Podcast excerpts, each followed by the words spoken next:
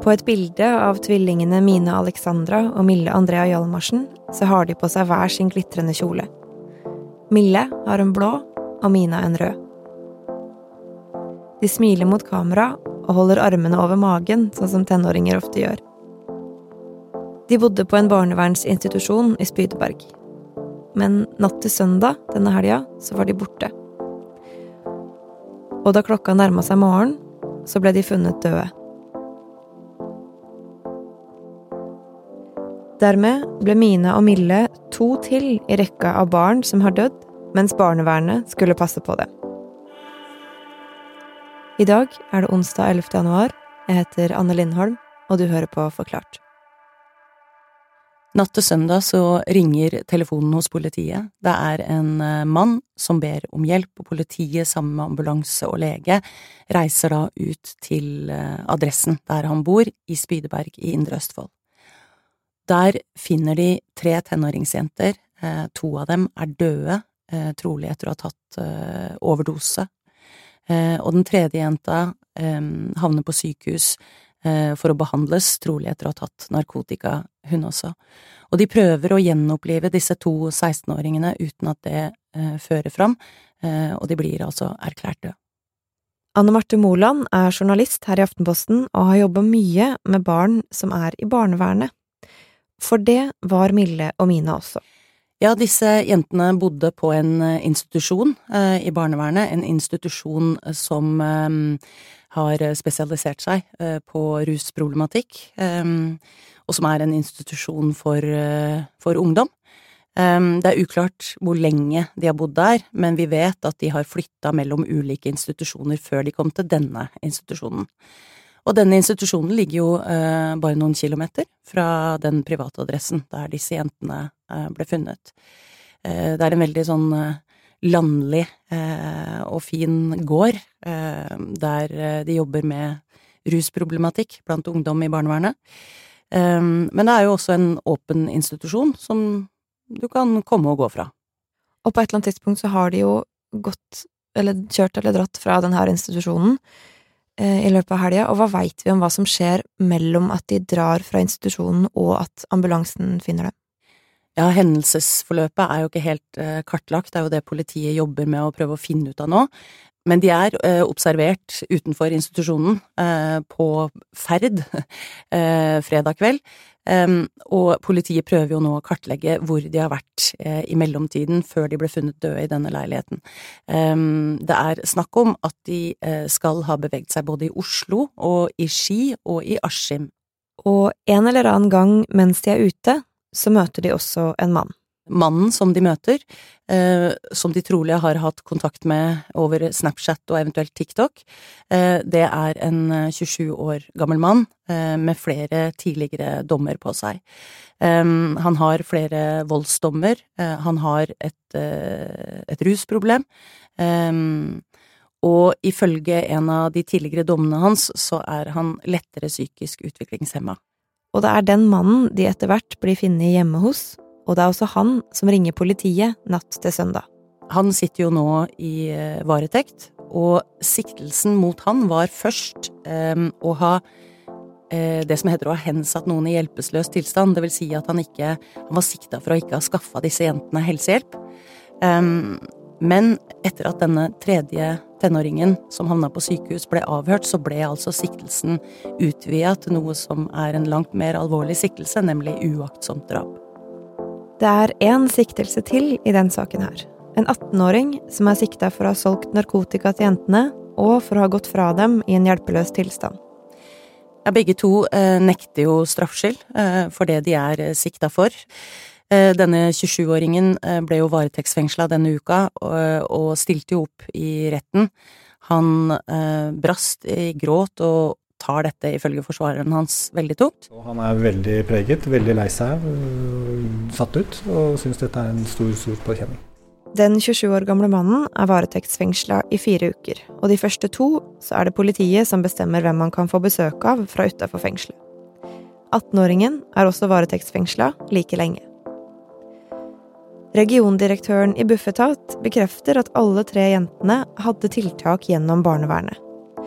Hun sier at de har den djupeste medfølelse med foreldre og pårørende, at alle som jobber i barnevernet blir sterkt berørt når det skjer ting som det her, og at nå jobber de med å ta vare på de som er berørt. Og de viser til politietterforskninga og taushetsplikten. Samtidig jobber politiet med å finne ut av hva som skjedde med Mina og Mille. Men det er flere enn de to som har dødd mens barnevernet passa på dem. Undersøkelser som Anne Marte og andre her i Aftenposten har gjort, viser at siden mars 2020 er det ti andre barn som har dødd mens de bodde på barnevernsinstitusjoner. Men bare én av sakene er blitt granska av direktoratet som har fagansvaret.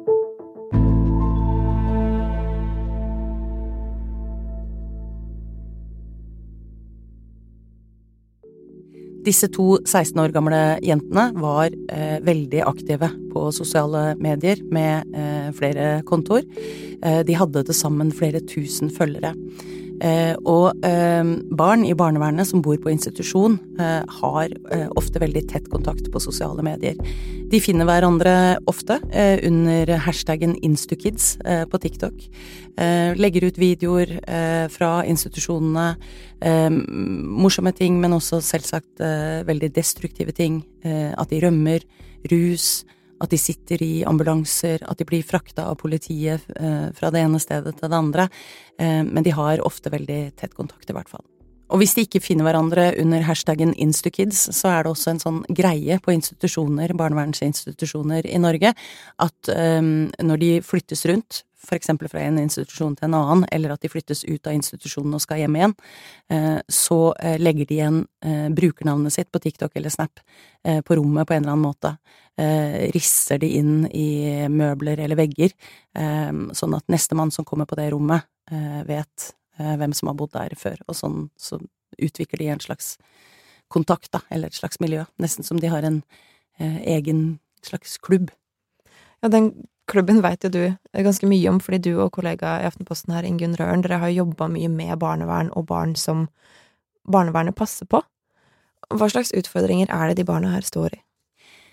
Veldig mange av eh, barna som bor på institusjoner i Norge i dag, har eh, store psykiske utfordringer, og de har sammensatte behov, eh, gjerne også rus eh, inn i bildet. Eh, og vårt prosjekt Barna Norge svikter har jo vist hvordan disse barna eh, ender opp som kasteballer i systemet som er satt til å hjelpe dem. De på en måte faller mellom alle stoler, mellom barnevern og psykisk helsevern, eh, og istedenfor å få stabil omsorg og helsehjelp som de har krav på, så flyttes de bare rundt og rundt og rundt. Fordi ingen institusjoner er på en måte godt nok rusta til å, å, skaffe dem den roen da, som de trenger. Eh, og vårt prosjekt har jo vist at veldig mange barn i dette systemet blir bare sykere eh, av den runddansen. Og eh, Mille og Mina de døde jo mens eh, de bodde på en barnevernsinstitusjon, og det er jo flere som har gjort det. Ja, siden i sommer så har vi eh, granska hvor mange sånne alvorlige hendelser som skjer ved norske barnevernsinstitusjoner. I 2020 eh, så kom eh, Riksrevisjonen med en ganske alvorlig rapport. Riksrevisjonen er på en måte Stortingets øverste kontrollorgan som undersøker for eksempel departementer eller statlige bedrifter og selskaper. De hadde da undersøkt barnevernsinstitusjoner og om barn som bor der får uh, den hjelpen de trenger. Um, og myndighetene fikk krass kritikk for at det ikke var noe avvikshåndteringssystem. Altså når det skjedde alvorlige hendelser, så ble det på en måte ikke rapportert inn i et samla system. Så vi har jobba siden i sommer med å få innsyn i hva som har blitt rapportert inn i et nytt system siden den gang. Og på um, de da to og et halvt årene så er det uh, ti barn som har dødd under barnevernets omsorg. Uh, og det har vært uh, 190 alvorlige selvmordsforsøk. Mm. Og blant de selvmordsforsøkene så er det mange barn som har gjentatte forsøk på å ta sitt eget liv. Og i alle tallene som Anne Marte og kollegaene har gått gjennom, så er det 1600 av det som kalles alvorlige hendelser. Og det eh, vil i snitt si at det skjer to alvorlige hendelser hver eneste dag.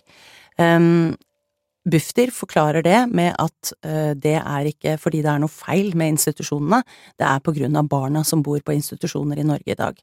Barn som bor på institusjoner har ofte eh, store og sammensatte behov, de har ofte vonde livserfaringer eh, når de kommer på institusjonen, og de mener at eh, det er det som gjenspeiler seg i, i, alle disse alvorlige hendelsene, da. At alle disse vonde følelsene og problemene kommer til uttrykk på institusjon.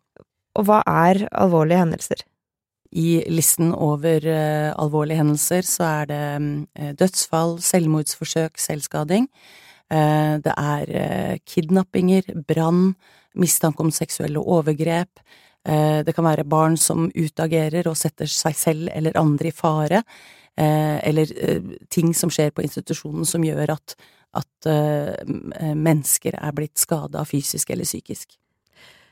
Men ti av disse barna har jo også dødd. Hva skjedde med dem?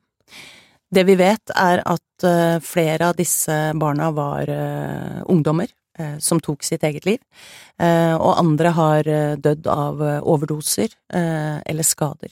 Men i dette store innsynsarbeidet, som vi har jobba med lenge, så overraska det oss at Barne-, ungdoms- og familiedirektoratet, som på en måte er det øverste fagorganet, Eh, bare vet hva som skjedde med ett eh, av disse barna.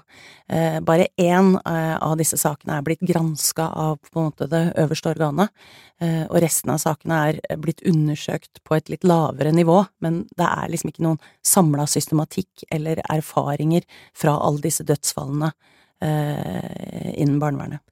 Hvorfor ikke?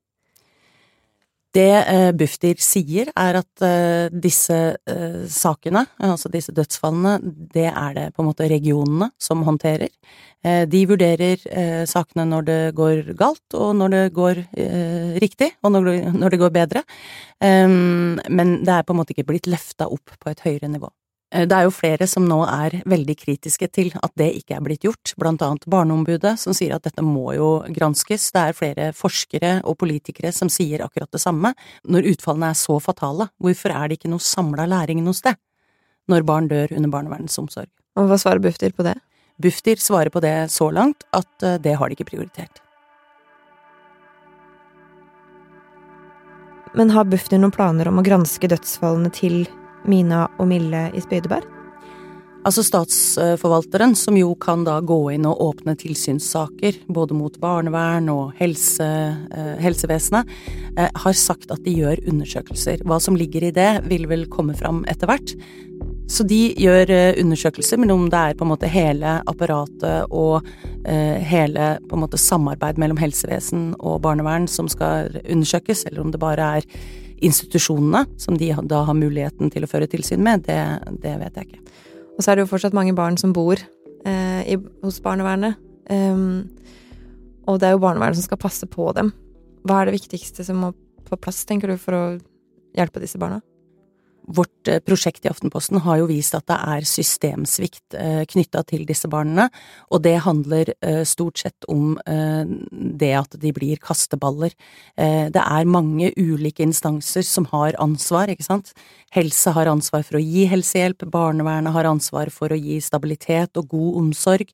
De snakker ikke godt nok sammen, de jobber også etter ulikt lovverk, og skyver på en måte ansvaret over på hverandre um, som ikke er til barnets beste.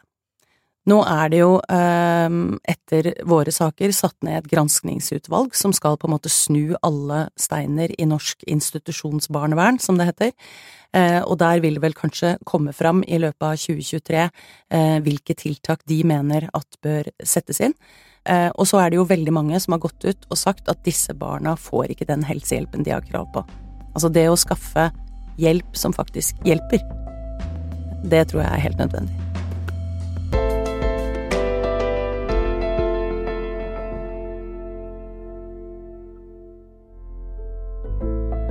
I denne episoden av Forklart så hørte du Anne Marte Moland fortelle om jentene i Spydeberg og om andre barn som barnevernet har passa på. Det er Philip A. Johannesborg og jeg, Anne Lindholm, som har lagd denne episoden. Lyden du hørte av forsvareren til den ene sikta, ble tatt opp av Andreas Bakkefoss. Resten av Forklart er Synne Søhol, David Vekoni, Marit Eriksdatter Gjelland, Jenny Førland og Anders Weberg. Og Forklart fra Aftenposten, vi er en nyhetspodkast som kommer hver hverdag, hvor du kan høre det du trenger å vite om de aktuelle nyhetssakene.